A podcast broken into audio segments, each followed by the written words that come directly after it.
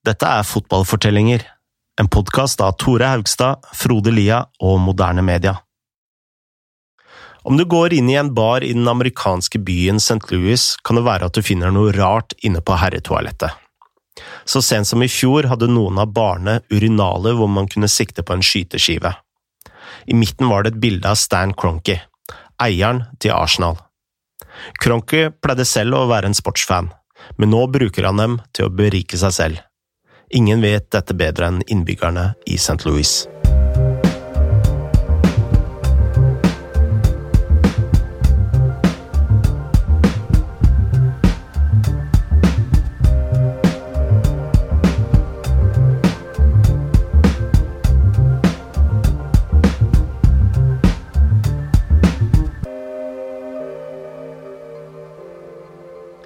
Missouri på 1940-tallet driver Alvin Cronky en trevarefabrikk i den lille landsbyen Mora.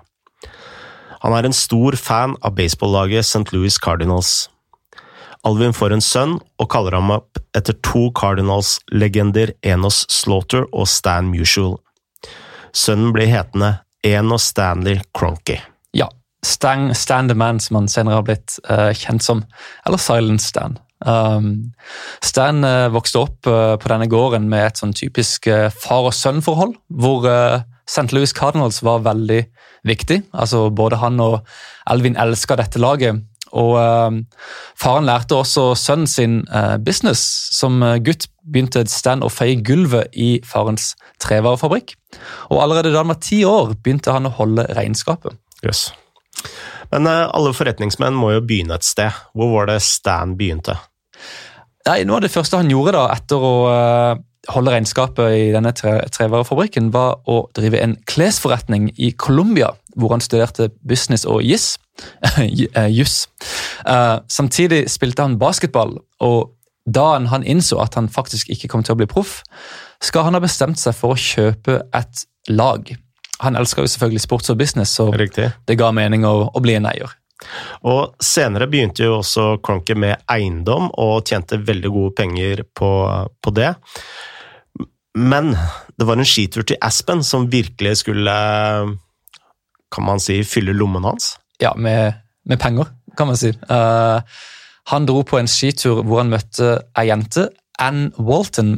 og dette er uh, altså arvingen etter Walmart, ikke sant? Ja, arvingen til eh, Sam Walton, som grunnla Walmart, denne enorme supermarkedkjeden i USA.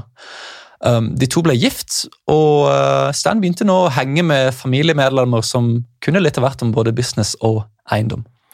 Og det kan være umulig skade for en forretningsmann som driver med eiendom, og ha innflytelse på hvor uh, f.eks. Walmart bygger sine supermarkeder? Nei, altså tenk Stan kjøper uh, et svært bygg, og plutselig ja, Walmart flytter inn der. sant? Uh, mange av de bygningene Konke kjøpte, uh, ble brukt eller lenka på en eller annen måte til Walmart. og Derfor har jo mange anklaget Konke for å gifte seg til rikdom. Men selv sier jo Konke da at han allerede var rik da han gifta seg med Men ikke så rik. Ikke, ikke, så rik, det er helt klart. Uansett ga jo dette Kronki nok penger til å investere i sport. Og de siste 20 årene har Kronke kjøpt opp en eh, rekke lag. Vil du høre listen, eh, Tore? Kjør på. Du har eh, Colorado Avalanche, som er et ishockeylag i NHL. Han eier Denver Nugents, som spiller i NBA, altså basketball. Mm. Han eier Colorado Rapids, som er et fotballag i MLS. Og han eier Colorado Mammoth, som er et eh, profesjonelt eh, lacrosse-lag. I tillegg så eier han, eller eide kan man si, St. Louis Rams, som eh, er et, eller var, et amerikansk fotballag i NFL. Ja. Og grunnen til at jeg sier var, det kommer vi tilbake til seinere. Det gjør vi. Um, det som er helt klart er at Konke eier veldig mange lag i USA. Og det er jo viktig her å, å, snakke litt om miljøet og systemene rundt disse lagene. Altså, altså, Amerikanske sportsligaer opererer jo ikke med nedrykk, som vi har i Europa. Uh, lagene er medlemmer av en liga hvor alle har rettigheter og in, altså, alle har de samme rettighetene, og inntektene sentraliseres. Altså, Hvis for eksempel, la oss si at Premier League er amerikansk, da, så får Huddersfield like mye fra draktsalg som United får. Ok. Så er, alle er liksom i samme båt, da, kan man si. Og Det betyr da i praksis at uh, samme hvor dårlig lagene til Kronke gjør det, så får det ingen uh, sportslige konsekvenser? Nei, for de, de kan jo ikke rykke ned. Uh, og så kan man jo spørre da, ok, hvorfor eier Kronke så mange lag? Og det finnes færre som kan besvare det spørsmålet bedre enn James Montague. Han har blant annet skrevet en bok om fotballens eiere, kalt The Billionaires Club, hvor han blant annet skrev om Stein Kronke. One of the things I try to do in the Billionaires Club is try to understand the motivations of the people that are buying football clubs. And broadly, you know, there is a, I mean, not that it's, it, it can be mixed, but there's a geographical kind of way I, I, try to look at it. And in the Middle East, for instance, you have essentially royal families buying football teams, and that the reason at the heart of that is either to leverage some kind of power or as a way of rebranding their countries and themselves. If you look at uh, especially oligarch money in, in Eastern Europe and not just Russia but Ukraine as well, then a lot about that is trying to divert people's attentions from from whatever it is that they've been doing to make their money. In America, what's what's absolutely true is that this is a capitalist country, red like capitalist in tooth and claw, you know, and it's it's a place where um, people have worked out how to how to make substantial amounts of money out of out of sports franchise ownership. And profit is of no interest to the first two categories that I said because there's a value, there's a higher value on more, you know, on different things. But in America, it's all about the profit motive. And what they've worked out in the US, especially with the with the kind of the, the, effectively, if you look at the NFL, which is a cartel, is that the way that you make substantial amounts of money is that you have a closed shop without promotion and relegation um, that you you have a salary cap, you know, that you control what the salaries are, and effectively you you you make it so that it's a license to print money as long as all the other members within that agree on the rules and agree on who's inside and nobody rocks the boat. And Stan Kroenke is a creature who's very much worked out that you can make a lot of money um, without winning anything you don't really need to win anything. I mean, the the biggest. I mean, this was a few years ago now, but the until very recently, the biggest sports franchise in, in the world in terms of value was the Dallas Cowboys, and what they haven't won a Super Bowl in what twenty five years, twenty years. You don't need to win anything. You just have to. You just have to hang on in there. Cronky er altså medlem av dette kartellet i en rekke idretter. Men eh, hvordan er det han eh, tjener eh, pengene sine, Tore? Nei, altså Disse lagene til Kronke har en del til felles. De har lave lønninger, de har ingen gjeld. Kronke tar lite penger ut, men han setter heller ikke stort med penger inn. I stedet drar han inn penger på ting rundt selve kampene som lagene spiller. Og det vil si billetter, supporterutstyr, mat på stadion osv.? Så ja, sånne ting. Uh, Kronke eier f.eks. billettsystemet uh, til alle lagene. Um, og da du, gikk, der, da du gikk gjennom den lista i sted, så vi jo at mange av lagene hadde noe til felles. Fire av de fem er basert i staten Colorado. Kronke eier i tillegg Kronke Altitude Sports and Entertainment, et regionalt sportsnettverk mm. i Colorado. Altitude, det betyr uh, høyde? Det betyr høyde. Uh, Colorado ligger jo i høyden. Det gir mening. Mm. Eh, så ved å eie et eh, nettverk kan Kronke eh, da tjene penger på TV-dekning av fire lag samtidig? Riktig. Altså Han kjøper et lag, og så tar han eierskap av hele infrastrukturen rundt laget, kan du si. Og dette, altså han, Vi vet jo at han ble rik på eiendom, og eiendom er også viktig når det kommer til lagene. Kronke eier f.eks. Pepsi Center, som er en stor arena i Denver. Dette er hjemmebanen til Nuggets, Avalanche og Mammoth. Han eier også Dix Sporting Goods Park, som er hjemmebane til Rapids. Altså eier Konke hjemmebane til fire av disse fem lagene. Det er jo mange fellesnevnere her, men ett lag skiller seg, skiller seg ut, og det er jo NFL-laget St. Louis Rams. Mm. De er ikke i Colorado. De har jo navnet St. Louis, hvor eh, alle nå faktisk hater Kronke. Her har det skjedd noe spesielt. Her har det skjedd noe spesielt. Vi nevnte jo at NFL uh, er en liga hvor lag ikke kan rykke ned, hvor alle lagene deler inntektene. Noe annet som er spesielt med NFL, er at eierne kan flytte lagene fra by til by så lenge de får støtte av de andre eierne i NFL. Og I 1995 var The Rams faktisk et lag i Los Angeles, men uh, det året kjøpte Kronke 30% av aksjene. Og Så bidro han til å flytte laget fra Los Angeles til St. Louis. Det fantes vel én grunn til at Kronke ville ta Rams dit? En veldig, veldig god grunn. La oss høre mer fra James Montague. There's all sorts of kind of crazy schemes that, that franchises have, have worked out to try to leverage more money. And one of them is to take as much as as many tax dollars as possible uh, through a scam that basically involves um, various cities and states from from bankrolling or giving massive exemptions for keeping their their franchises in their cities, usually through the stadiums, either by uh, uh, co-financing the stadiums or giving like sweetheart deals in how them how they make the money off on the back end.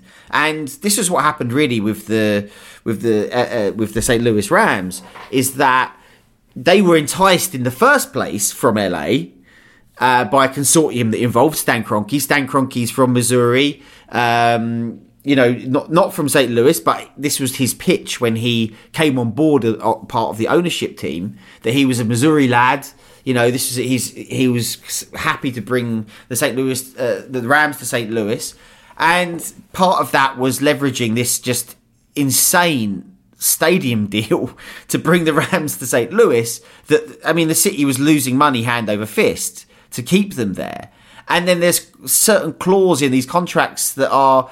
Um, that, that get triggered if other uh, NFL franchises uh, start to develop better stadiums, then the city's on the hook to help develop them even further.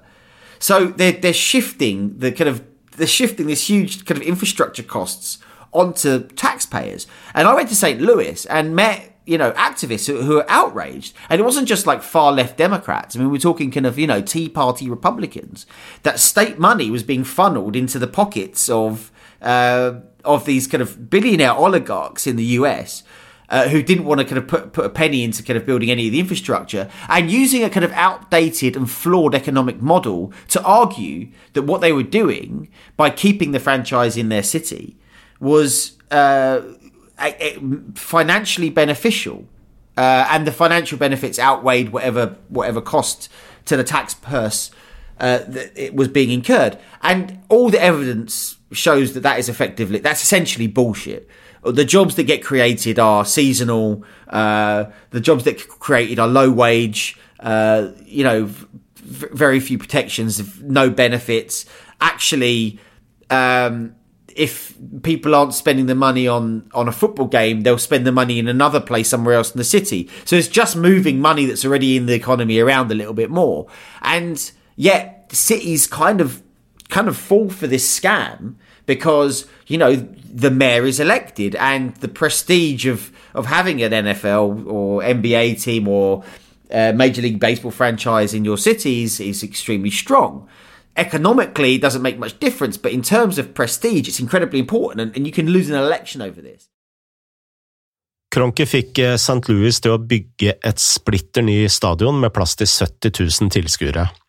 Byen eh, tok også opp et enormt lån og dette skulle betales ned med skattepenger. Ja, og uh, The Rams uh, ble jo i St. Louis i lang tid. Og Hvis vi spoler frem til uh, 2010, altså 15 år senere, så hadde Kronke nå kjøpt opp nok aksjer til å bli eier av St. Louis Rams. Og James nevnte jo en klausul i kontrakten mellom byen og The Rams. Den sa at stadion måtte være blant de beste i NFL. Hvis ikke kunne The Rams bare forlate St. Louis og dra et annet sted. Og Innen 2015 var denne stadion åpenbart ikke blant de beste. Så hva gjorde Kronke?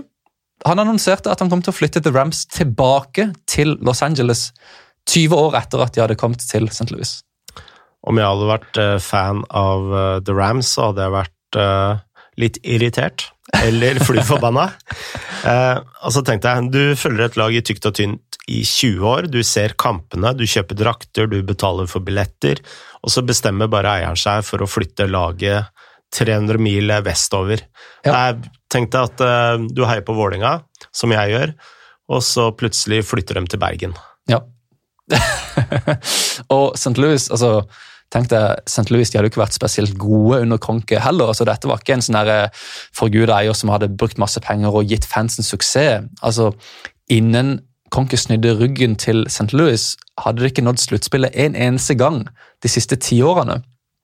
Og Grunnen til at Kronke ga seg, var jo bare fordi det ga mer mening rent økonomisk å forlate St. Louis. Så Los Angeles er jo ikke akkurat uh, next door heller. Altså, det er jo ikke, du flytter ikke til nabobyen. Nei. Uh, altså, om du er fan av The Rams og bor i St. Louis, så må du nå ta fly i tre og en halv time hver vei. Eller kjøre bil i 30 timer hver vei for å se laget spillet. Det er litt, litt upraktisk. Men dette kunne Kronke gjøre fordi han fikk uh, tillatelse. Dette tre trekket måtte jo bli godkjent av de andre eierne i NFL. Ja, og uh, hvorfor sa de ja til det? Vel, det var fordi Kronke planla å bygge et enormt nytt stadion i Los Angeles, hvor The Rams nå skulle spille. Og For å høre litt mer om det prosjektet har vi snakka med Joshua Robinson, en journalist fra The Wall Street Journal, som skrev om Kronke i sin bok The Club. It's, it's a huge project in the context of the NFL where the stakes of doing anything are massive um, because you are part of this um, cabal of owners when you own an NFL team, and you're all in business together. Everyone gets rich together. Um, there's profit sharing. There's it doesn't really matter who wins the Super Bowl or or loses because there's no relegation. Um, so the important thing is that they all enrich themselves as one, and building uh, a huge real estate project like the stadium he's he's putting up in California is something that contributes to all of that, which is why the other league owners supported the Rams moving to California. Um, which is unthinkable. They had been in St. Louis before, which is unthinkable in European football. Teams don't move here. Kronke var uh, på ingen måter en supportervenn, men som forretningsmann visste han hva han gjorde. Fordi Året etter at Rams dro tilbake til Los Angeles, beregnet Forbes at uh, laget hans faktisk hadde doblet seg i verdi. Ja, og, uh, men dette var jo ikke det verste kan du si, for folk i St. Louis. I februar 2019 nådde Los Angeles Rams finalen i NFL, altså Superbowl. Du kan tenke deg, De hadde vært så dårlige mens de var i St. Louis. Med en gang de flytter vekk, så begynner de å vinne. Mm. Uh, og det var jo ikke rart at folk i St. Louis håpte at The Rams kom til å tape. Ja, for de var jo naturlig nok uh, fly forbanna på Kronke. Ja, og ikke bare fansen. altså Ordføreren var rasende, pressen var illsint. Altså, dette er jo en by som hadde De hadde fortsatt 60 millioner igjen på lånet som de hadde tatt opp for å bygge stadion 20 mm. år tidligere. Altså, Tenk de kostnadene, og så lite de hadde fått igjen for det. Nå hadde de altså en, en, en arena som sto helt tom. Og uh, Fansen hadde ikke noe lag, uh, og byen har siden saksøkt Konke for å bare flytte The Rams bort fra, fra St. Louis. I neste episode skal vi snakke om Kronkes eh, eierskap av Arsenal. Men før vi avslutter, skal vi høre om én innbygger i St. Louis som var spesielt sint på Stan Cronky. Ja, James Montague reiste jo som sagt ned til St. Louis for å snakke med fansen der. Og Der traff han en fyr som hadde strukket seg ekstra langt for å vise sin misnøye med Stan Cronky. I got up early in the morning because Arsenal were playing, uh, and it was it was early morning in St. Louis. And I went to the, the Amsterdam bar. I think it was a new Amsterdam bar. And I went to the Amsterdam bar, and, and it was a soccer bar, and there was only a few Arsenal fans there. Um, but then after I'd watched that game, um, I'd, I'd seen these billboards everywhere of, of this kind of like Better Call Saul type lawyer. Um, and and it had his phone number on it, like the, it was like kind of dial one one three winningest. And I, I just and I've, I've, been watching Better Call Saul, and I thought this guy, guys, that that that enca- encapsulates America in some way, you know. And over the course of the day, I was then I, I noticed that this lawyer had become absolutely a kind of pivotal guy campaigning against what Cronky had done to the city. And I'd found out that he had he had paid for a Super Bowl advert to be aired in in Missouri uh, called Slam Stan. It was called hashtag Slam Stan, and it was just a monologue of this guy, big guy, you know, older guy, and I thought, you know what, I'm going to call that number, and I called the number, got through to. I think it was actually it was an answer phone message. I left a message, and he called me back, and within 15 minutes of me making the original call, we were sitting at a bar. Uh, drinking a Bloody Mary, and you know he was explaining to me, you know, exactly what it meant emotionally to have the team kind of ripped apart away from him and his absolute disgust at the wealth uh, hoarding of the billionaire class in America. And this wasn't a Bernie bro. This wasn't a kind of, you know, this wasn't some kind of uh, Antifa socialist. You know, this was this guy was like, he's a lawyer. He said, I'm a capitalist. We do pretty decent. But these guys, you know, they want everything. Um, and it made him sick. And the, and the the anger he felt, this this kind of you know upper middle class American felt towards Kroenke, that he motivated him enough to spend a substantial amount of money to have this advert, which we then watch on television during the Super Bowl. Um, you know that was really illuminating, and as long as I live, I will I will not forget that conversation I had in that bar with that lawyer.